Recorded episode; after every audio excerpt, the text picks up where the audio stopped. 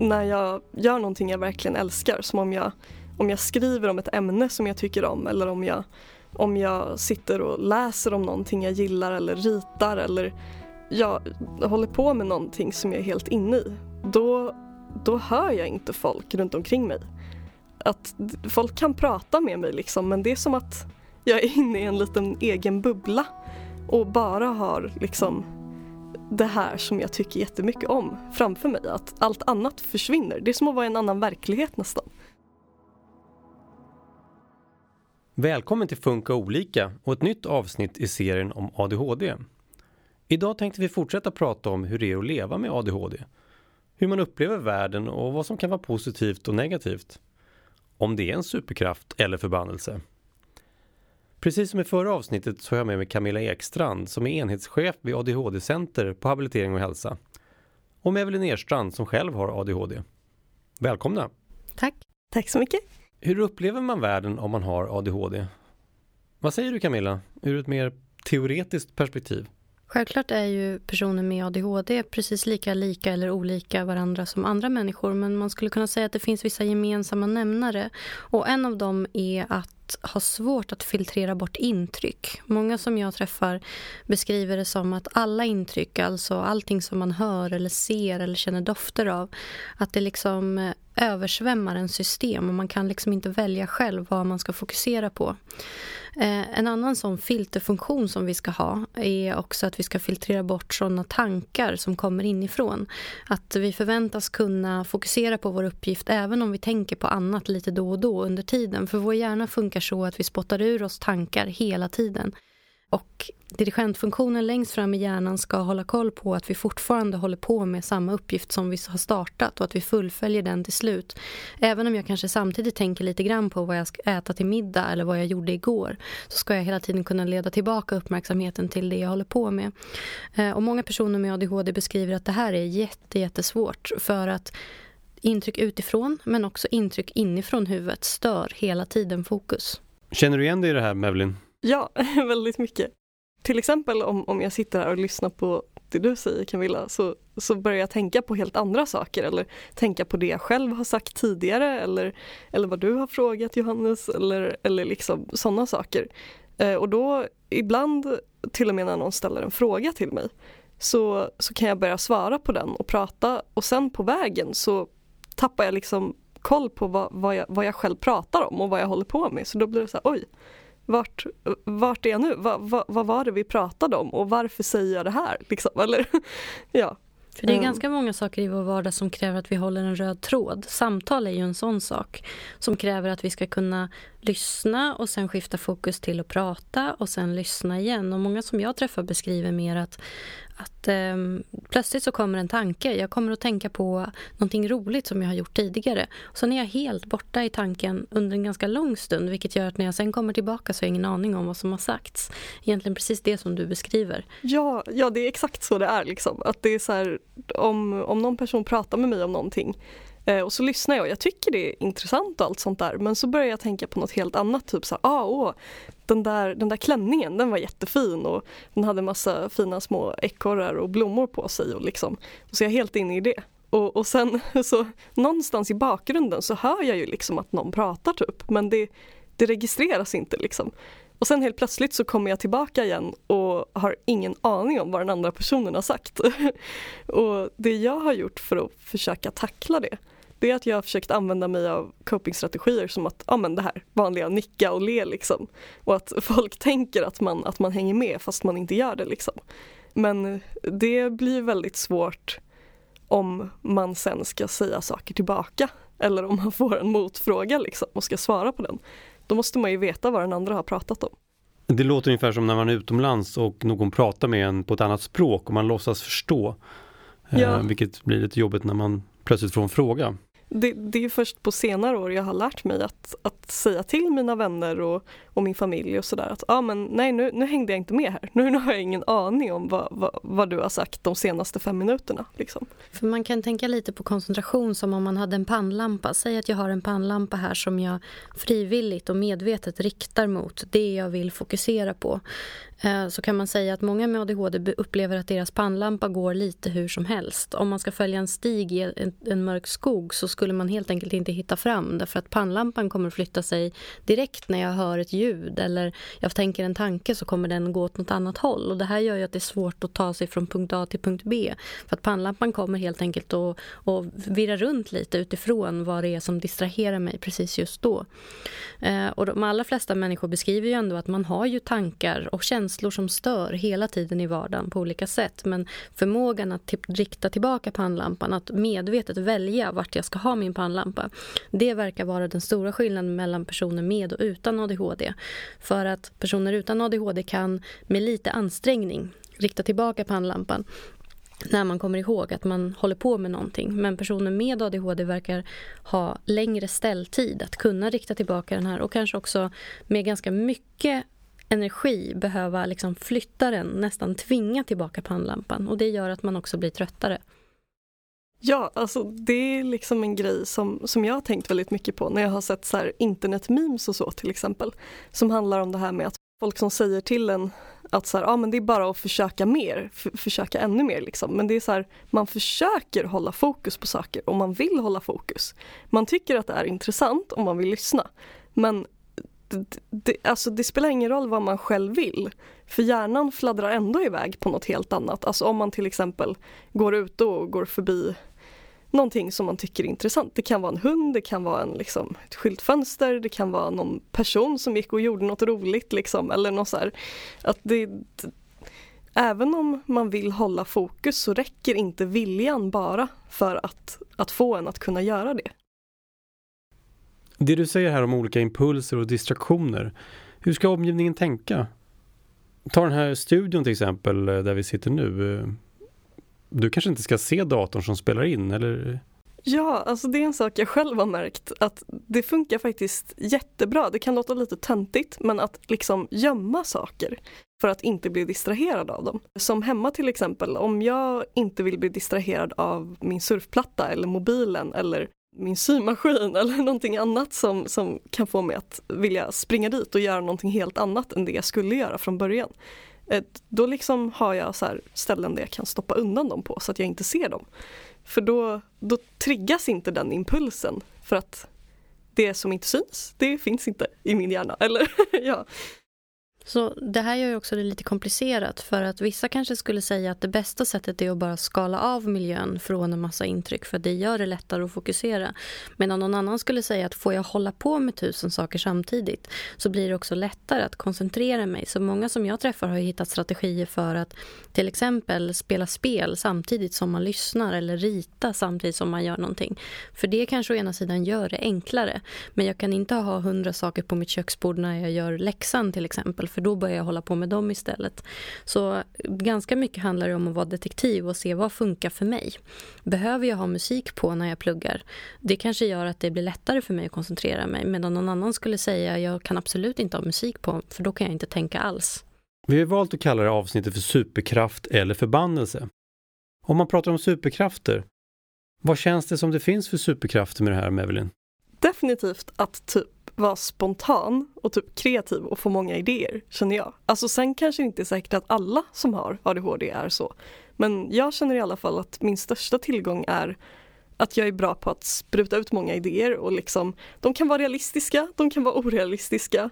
Eh, men det som, är, det som gör det till en superkraft är inte bara att man får idéer utan att man omger sig med folk som kan hjälpa en att, att sålla bland idéer eller fakta eller projekt eller vad det nu är man håller på med. Liksom. Som eh, när jag praktiserar på kavaj så då hjälper mina kollegor mig att eh, sålla ut liksom, okej, okay, det här är realistiska idéer och det här kanske inte är liksom, genomförbart riktigt just nu. Eller ja, ah, det, det, här behöver prioriteras just nu och det här kan vi göra senare. Um, så att, alltså, det gäller ju att omge sig med folk som som har förmågan att, att förstå en och hjälpa en att, att vara sitt bästa jag. Helt enkelt. Överhuvudtaget så tänker jag att alla vi människor har styrkor och vi har svårigheter eller saker som vi är mindre bra på eller mindre lockade av att göra. Och ju bättre vi blir på att ta tillvara på de här superkrafterna som vi alla har på olika sätt. För vissa kanske det är att man har massa energi och för andra så är det något helt annat. Så kan man också hjälpa sig själv i svåra situationer. Så att många som jag träffar säger väl att ja, ADHD kan vara en superkraft på det sättet att jag kanske har jättemycket energi, om det är en kombinerad form av ADHD jag har. Eh, men sen så har man ju alltid andra superkrafter också, intresseområden, sånt som gör en glad. Och det är de man ska satsa på. Många med ADD, alltså den här formen av ADHD där man kanske inte har så mycket av massa energi, snarare kanske tvärtom, lite för lite energi. De skulle kanske inte hålla med om att just ADHD är en superkraft, men alla människor har styrkor. I vilka fler situationer kan det vara en fördel tycker du att ha ADHD? Alltså fördelen är ju att när jag väl har lust att göra någonting då, då gör jag ju verkligen saker alltså helt och hållet inne i det fokuset liksom. Det här med att verkligen kunna gå upp i någonting och fokusera helt och hållet, det brukar kallas för hyperfokus.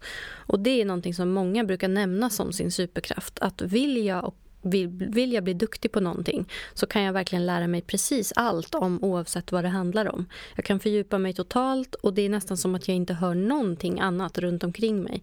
Många föräldrar som jag träffar har, säger ibland att vi har försökt, vi, vi kollade hörseln hos vårt barn först för att vi tänkte att det var hörseln det var fel på. För att när eh, hon håller på med sitt intresse då hör vi ingenting till exempel. Eh, då går det liksom inte att bryta överhuvudtaget. Eh, och det tänker jag är ju en superkraft på många sätt. Att kunna vara totalfokuserad på det man håller på med och stänga ute allt. Ja, det, det, har jag märkt väldigt många gånger. Att när jag gör någonting jag verkligen älskar, som om jag, om jag skriver om ett ämne som jag tycker om eller om jag, om jag sitter och läser om någonting jag gillar eller ritar eller jag håller på med någonting som jag är helt inne i, då, då hör jag inte folk runt omkring mig. Att folk kan prata med mig liksom, men det är som att jag är inne i en liten egen bubbla och bara har liksom det här som jag tycker jättemycket om framför mig. Att allt annat försvinner. Det är som att vara i en annan verklighet nästan. Och där tänker jag också att det finns en fördel med att bli vuxen för då skulle man kunna satsa på de områdena där man är helt, helt uppslukad och bli bäst på dem helt enkelt. Eh, jag känner många programmerare, jag känner många musiker, jag känner många som har verkligen fått satsa på det som är det stora intresset och faktiskt kan försörja sig på någonting som gör att man är helt uppfylld hela dagarna, åtta timmar. Det är så jag känner nu med den praktiken jag har. att eftersom den funkar så bra just för att det är någonting jag brinner för. Att då, då har jag det här hyperfokuset hela dagen. för att jag är omgiven av, av massa gulliga söta japanska saker som jag älskar. Och liksom kunderna som kommer in dit har ju samma intresse så de älskar jag ju också. så då är det så här, ja, alltså det, det är guld värt. Alltså mitt råd till folk som har den här diagnosen, hitta det ni brinner för. Alltså det kan verka omöjligt men strunta i det. Bara hitta det som, som, som ni kan bli bäst på. Nackdelen med lite så som det ibland kan låta i media med att prata om superkrafter det är att man missar lite det här funktionsnedsättningsperspektivet som ju faktiskt är ganska viktigt att, att man måste komma ihåg att det här är någonting, ADHD är någonting som gör att det blir svårare att leva i vardagen. Det är därför man behöver en diagnos, för att man behöver hjälp. Vi har inget behov av att diagnostisera personer som, som mår bra och funkar bra i sin vardag. Det är liksom inte det som är poängen, att sätta stämplar på folk. Utan det handlar ju om att, att hitta personer som behöver hjälp och att ge den hjälpen som man behöver. Så det är ju inte utifrån superkrafterna man får en diagnos. Det är inte utifrån att man kan hyperfokusera eller att man gör det man gillar. Utan det är ju utifrån att det blir svårt att göra tråkiga saker helt enkelt. Att man behöver hjälp med det. Och då kommer vi ju lite grann in på det andra ordet, nämligen förbannelse. På vilket sätt kan det vara en förbannelse, Mevelin? Ja, alltså under, hel, under alla de år när jag inte var diagnostiserad så kom jag ju extremt mycket för sent hela tiden till allt möjligt. Det spelade ingen roll om jag skulle träffa kompisar eller om jag skulle komma till skolan eller ja, men gå till jobbet, you name it. Liksom. Att så här, jag hade så svårt att hålla koll på tiden och att liksom förstå hela tidsbegreppet. Det, jag kan ju klockan liksom, så det är inte det det är fel på. Men att, att liksom lyckas komma i tid. Det, det har nog varit en av mina största förbannelser. Och när jag var tonåring också att ofta bli väldigt arg eller väldigt ledsen eller ha mycket ångest och liksom sånt. Eh, att det, det skulle jag säga är, är det jobbiga liksom med att ha ADHD och att det kan vara svårt att slappna av eller stänga av. Att vissa kan ju typ lägga sig ner och bara, ah, men nu ska jag ligga här och meditera lite eller någonting. men det, alltså, det är jättesvårt tycker jag att bara liksom kunna stänga av den här motorn som hela tiden snurrar. Liksom. Jag tänker att en av förbannelserna är att det finns så många saker som vi måste göra varje dag i vårt liv som är jättetråkiga för oss allihopa. Och har man ADHD så betyder det att man har extremt svårt att uppbåda energi och göra de här sakerna och att de sakerna i sig tar så mycket energi så att man sen inte orkar göra sånt som man gillar. Eh, det tänker jag är den verkligt stora förbannelsen. Att vi lever i en värld där man helt enkelt har mycket svårare att funka om man har ADHD. Eh, och att man därför behöver ganska mycket hjälp för att kunna få loss den här energin för att faktiskt kunna få göra saker som man gillar. Många som jag träffar säger att efter en dag i skolan är man så trött så att man behöver sova flera timmar. Man kanske inte orkar göra det som man gillar helt enkelt. Eh, för att det har gått åt så mycket energi till att bara försöka rikta den här strålkastaren och fokus på det som man måste rikta den på. För att det är så tråkigt helt enkelt. Ja, alltså det, det, känner jag igen mig i jättemycket. Att just det här att man blir så trött, så oerhört trött av att göra saker som inte är roliga. Att många kanske tycker det är tråkigt att göra saker och så men till exempel om min pojkvän städar då behöver inte han sen ligga i sängen som en död fisk och bara så här, Utan han har ju energi sen efteråt också. Liksom. Men för mig så tar det jättemycket energi att bara alltså slutföra såna här enkla grejer. För att de inte, de inte väcker min entusiasm helt enkelt. Sen tänker jag att det här med känslor är någonting som tar väldigt mycket energi från många av dem som jag träffar oavsett ålder. För att att ha väldigt starka känslor som går upp och ner hela tiden eller som går från noll till hundra på en sekund, det tar också väldigt mycket energi. Men det tar också energi att försöka reda ut saker, att, att försöka prata med andra människor om det som hände, att, att styra upp situationer som har gått fel. och Att impulsiviteten till exempel, att man exploderar i en känsla eller imploderar för den sakens skull. För det är inte alla som rikta sina känslor utåt. Det kan ju också göra att, att det tar väldigt mycket energi att sen återhämta sig efter de där starka känslorna. Och vi människor har ju starka känslor överlag så ibland i vårt liv. Skillnaden här är kanske att personer med ADHD har det oftare och att de kanske varar längre och får större konsekvenser generellt i alla fall. Ja, alltså jag har upplevt att innan jag fick min medicin så var hela mitt liv som bara en stor berg och dalbana upp och ner flera gånger varje dag liksom med, med ilska, sorg, glädje, eh, liksom entusiasm. Alltså att det, det vänder så fort och det är så många olika känslor som man kan ha på bara en dag. Liksom. Att det, eh, och det, alltså, ibland blir man arg på folk och så bråkar man och så måste man reda ut det. Liksom. Och det tar ju ännu mer energi. Liksom. Och det, det, är också det här med impulsiviteten, att ibland så kan man liksom säga saker som man kanske inte har tänkt igenom helt och hållet om man är ledsen eller arg. Eh, och då blir det så trassligt sen när man ska försöka förklara varför det blev som det blev. Liksom. För det är också en annan del av, av förbannelsen, tänker jag. Att man har ju hela tiden med andra människor att göra och saker och ting blir ju väldigt sällan som man har tänkt sig i livet. Så är det ju för oss alla, men personer med ADHD har också generellt svårare att hantera när någonting förändras eller när någonting inte följer min plan. Att vara flexibel kräver också att man ska kunna planera och organisera. Man, man måste också kunna tänka om, tänka ett annat alternativ, hålla flera alternativ i huvudet samtidigt. Och det här är också någonting som många som jag träffar sig tar väldigt mycket energi. För att i princip varje dag så händer det många, många gånger att bussen kommer inte i tid. Då måste jag tänka om. Vart skulle jag? Hur ska jag ta mig dit? Eh, eller någon säger någonting som jag inte hade förväntat mig, då måste jag hantera det. Så att hela tiden hantera med en flexibilitet gör också att det tar mycket energi om det här inte kommer av sig självt. Ja, ja precis. Det har jag också upplevt att så fort någonting inte går precis som jag hade tänkt mig så blir det att det, det, blir, det tar extra energi att, att ställa om hjärnan och, och ställa in den på något helt annat. Liksom. Att man måste ju först hitta lösningen och sen, alltså allting sker ju i steg. Liksom. Att andra människor, jag vet inte hur de gör, men de kanske bara liksom, aha okej, okay, ja men då gör vi så här istället. Liksom.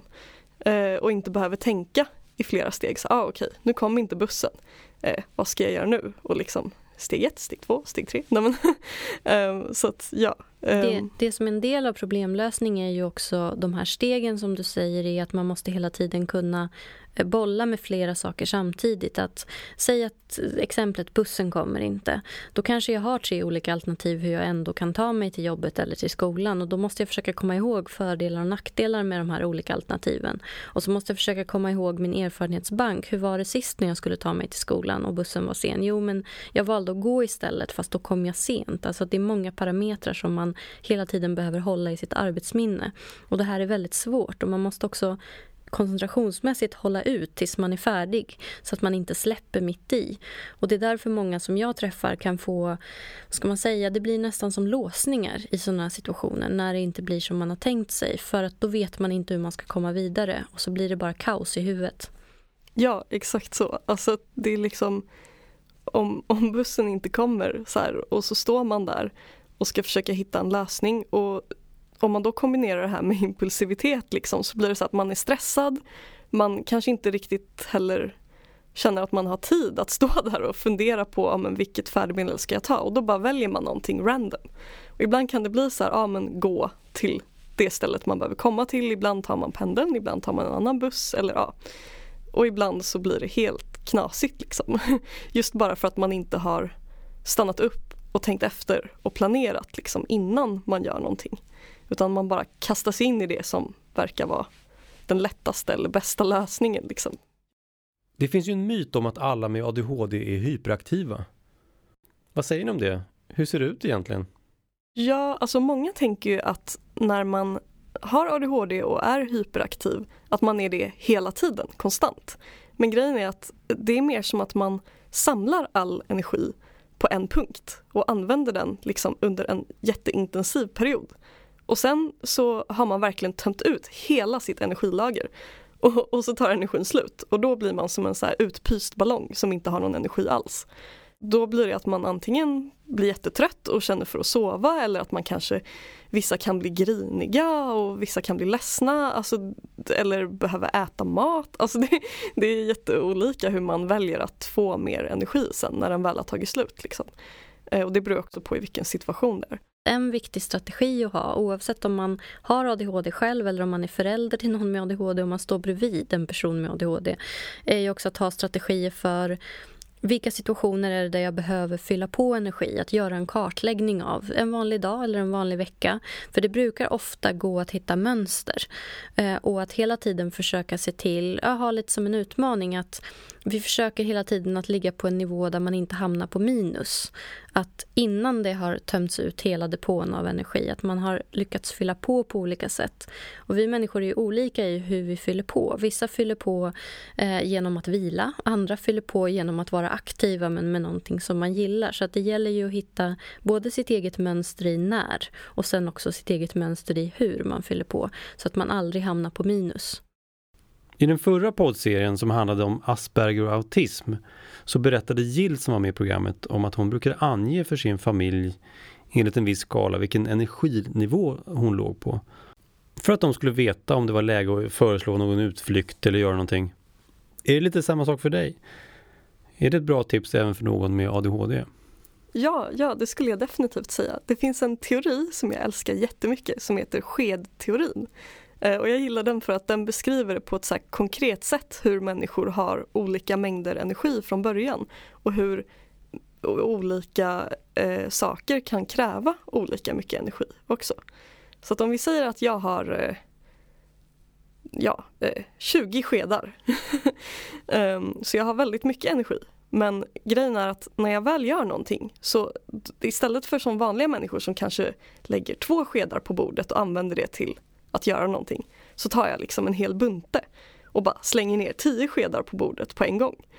Ehm, att det, ja, det, så kan man liksom beskriva hur, hur energin går upp och ner. Liksom. Ehm, så att det jag skulle säga är att folk med ADHD brukar ha väldigt mycket energi. Men eh, det betyder inte att vi är bra på att fördela energin jämnt över hela dagen eller över långa tidsperioder. Liksom. det här med energi är också svårt när man pratar om ADHD. För Från början trodde man ju att, att alla med ADHD hade en hyperaktivitet, alltså en överenergi nästan. Eh, och Sen förstod man att ja, det är några stycken som har det så, men de allra flesta verkar gå väldigt mycket upp och ner, så som vi pratar om. Eh, och Sen så finns det en grupp som verkligen har för lite energi, i princip hela tiden. Som vaknar trötta, är trötta hela förmiddagen, kommer, fram, kommer igång någon gång på eftermiddagen och sen är jättetrötta igen. Eller kanske är vakna på natten och är pigga men sen är trötta dagtid. Så att energi verkar vara centralt men på lite olika sätt för personer med ADHD. Eh, och det gäller ju att hitta då mitt eget mönster och mitt sätt att fylla på. För om jag då tar 20 skedar för att vara i skolan eh, då kommer jag inte ha någonting hemma kvar på eftermiddagen. Så när jag kommer in genom dörren så är risken ganska stor att jag bara helt enkelt får ett utbrott på den första som säger hej till mig. Och det är många som jag träffar som, som tycker att det är svårt att förstå då att vad är det som gör att mitt barn klarar av att vara så trevlig hela dagen i skolan och sen plötsligt på kvällen förvandlas till ett monster. Och det har ju med energinivåerna att göra. Att har jag ingen energi så orkar jag inte vara trevlig, jag orkar inte vara flexibel, jag orkar inte vara snäll mot någon, även om den personen är snäll mot mig. Oh, det här förklarar du så sjukt mycket om hela min barndom och tonårstid som jag inte har fattat tidigare. Liksom. Att det, ja, alltså energinivåer är nog någonting som, som har gett mig väldigt mycket att, att läsa på lite om. Så det, det kan jag också ge som tips. Alltså kolla upp skedteorin för den, den är jättebra också för att lyckas förklara för andra så att de konkret kan förstå det här med att ja, man använder olika mängder energi och sådär. Något som hör ihop med det här tänker jag också är stress. För att personer med ADHD upplever stress ganska många gånger i sin vardag. I att det handlar ju ofta om att försöka hantera olika situationer som uppstår. Och när vi upplever att vi inte har redskap eller möjlighet att hantera det så får vi en stress. Um, många som jag träffar känner ofta i vardagen att man står inför helt ohanterliga situationer och att man då upplever en ganska stark stress. Och då blir det också så att det tar väldigt mycket energi. Och det gör också till exempel att hjärnans dirigent, den som ska se till att vi kan planera och organisera, den blir också nedsatt hos oss alla vid stress. Skillnaden här är väl att eh, den kanske redan är nedsatt hos en person med ADHD och att man dessutom oftare hamnar i stressade situationer. Du beskrev ju tidigare hur hur det kan vara svårt med tid till exempel. Det är väldigt vanligt att personer med ADHD har svårt med tid. Även om inte det är ett diagnoskriterier eh, så kan man se att den här känslan för tid verkar vara annorlunda generellt hos personer med ADHD. Och det gör ju att man ganska ofta i sin vardag har bråttom. Man är sen till olika saker, man kanske behöver springa. Man kanske dessutom behöver hoppa över mat som man skulle behövt för att fylla på sin energi. För att jag hinner inte äta frukost för att jag sov en halvtimme för länge. Och sen satt jag och stirrade ut genom fönstret när jag egentligen skulle ha ätit. Så energi och stress hör också ihop åt alla håll. Det jag har märkt med energinivåer det är väl också att det har sett väldigt olika ut under mitt liv. Alltså när jag var liten, när jag var tonåring, när jag var yngre vuxen liksom. Och nu. Så här, att det, det beror också, alltså hur, hur mycket energi jag har beror också mycket på min omgivning hur mitt liv ser ut i övrigt. Alltså om jag är nöjd med, med det jag gör på dagarna, alltså går i skolan eller jobbar eller vad jag nu gör för någonting. Eh, eller om det kräver extremt mycket energi för att jag tycker det är tråkigt eller jobbigt eller inte vill göra det. Liksom. Att eh, man, man, kan liksom spara så otroligt mycket energi på att försöka ägna sig mer åt sådana saker man, man tycker om. Liksom. Och, eh, ja, alltså successivt för, försöka rensa ut saker, personer, eh, händelser, ja men sånt som får en att må dåligt helt enkelt. För det, det gör ju också att man blir stressad och kräver mer energi och så här, och så går det en cirkel sådär liksom. Någonting annat som tar mycket energi som hör ihop med det, det är också att, att man har sett i forskning att barn och ungdomar med ADHD blir oftare, oftare tjatade på av vuxna runt omkring och att man hamnar i många situationer där eh, man kanske blir tjatad på och sen så trappas det upp till att man faktiskt blir utskälld för saker som man inte gör. För att man, kommer i eh, för att man inte kommer i tid, för att man säger olämpliga saker eller inte sitter still på sin stol när man ska göra göra det. Och jag tänker att skulle man skala bort allt det här, skulle alla förstå mer om ADHD så skulle alla också sluta tjata på det sättet därför att det är inte effektivt. Och det skulle också spara väldigt mycket energi som skulle göra att det fungerade bättre. Så mycket av det som jag jobbar med handlar ju om att ju mer människor förstår vad ADHD är desto mer så kan man också anpassa strategier så att det inte behöver ta så mycket energi att vara med andra människor. För många som jag träffar oavsett ålder säger att det här med att vara med andra tar så mycket energi också för att man hela tiden måste försöka bete sig på olika sätt så att andra inte ska bli upprörda över vad det är man gör. Och det gör också att det kanske blir mindre trevligt att vara med andra. Ja, för det har jag också upplevt att ibland så måste man liksom sitta där och välja mellan, okej, okay, nu har jag fem energi, energiskedar kvar. Vill jag liksom använda dem till att träffa en vän, ja men då kanske det krävs tio skedar. Och så många skedar har jag inte. Liksom. Eh, så då, att stå i sådana valsituationer, liksom. jag vet inte om vanliga människor eh, också hamnar i sådana på det sättet. Eller om det Alltså att sa eh, saker som för andra bara kan vara kul eller givande eller energigivande kan vara en utmaning och svårt om, om man har en diagnos och måste liksom ja, men försöka anpassa sig eller tänka extra varje gång för att inte klanta sig eller göra någonting, någonting tokigt. Liksom. För det känner jag att det är ganska lätt att göra när man har ADHD, klanta sig alltså. Och det här beror ju också på, tänker jag, vilka förväntningar vi har. Många föräldrar som jag träffar säger att att en hel del av deras energi går åt till att försöka förklara sig inför andra eller, eller försöka stå emot olika, till exempel människor som säger att men du är en curlingförälder, varför gör du allting för ditt barn? Eller folk som säger att man har uppfostrat sitt barn dåligt eller så. Eh, och forskningen visar att, att det är inte så att vi kan uppfostra någon till att få ADHD men vi kan göra väldigt mycket för att underlätta och för att det ska fungera bättre. Men vissa kan också bli provocerad av de här strategierna för de handlar väldigt mycket om att uppmuntra positivt beteende, att fokusera på det som fungerar och att lägga mindre kraft på det som inte fungerar, det vill säga tjata mindre och fokusera mer när det fungerar. Och det kan ju också göra andra människor upprörda som tänker att om man bara sa till ordentligt så skulle man sluta till exempel att störa andra. Men Evelyn, vi pratade ju förut om svårigheterna med att komma i tid till exempel. Vad är det egentligen som är svårt med det? Alltså det som är svårt med att komma i tid är ju egentligen inte själva eh, alltså handlingen att, att komma i tid eller inte komma i tid.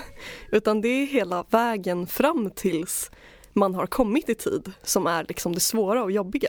Alltså från det att man typ vaknar till att borsta tänderna, klä på sig kläder, göra frukost, eh, packa väskan.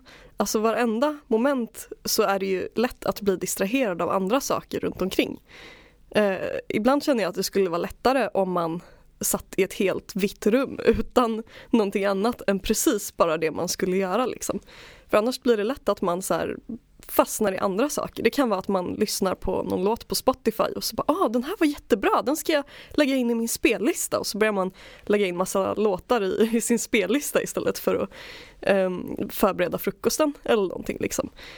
Eller att ja, Facebook ligger uppe och så blir man så nyfiken och bara, ah, men vad hände där? Och så börjar man med det och så har det gått liksom helt plötsligt en halvtimme eller en timme eller en kvart. Alltså det, det är liksom det försvinner lätt massa tid för saker och sen när man upptäcker att det har försvunnit tid så vet man typ inte vart den har tagit vägen eller varför tiden har försvunnit. Får jag fråga dig Camilla där, när det gäller tidsuppfattning, eh, finns det någon skillnad här mellan folk som har ADHD och folk som inte har ADHD? Jag skulle säga att det finns tidsuppfattningsskillnader på flera olika sätt. Både det här som som Evelyn säger om att tappa bort sig hela tiden, det slukar tid.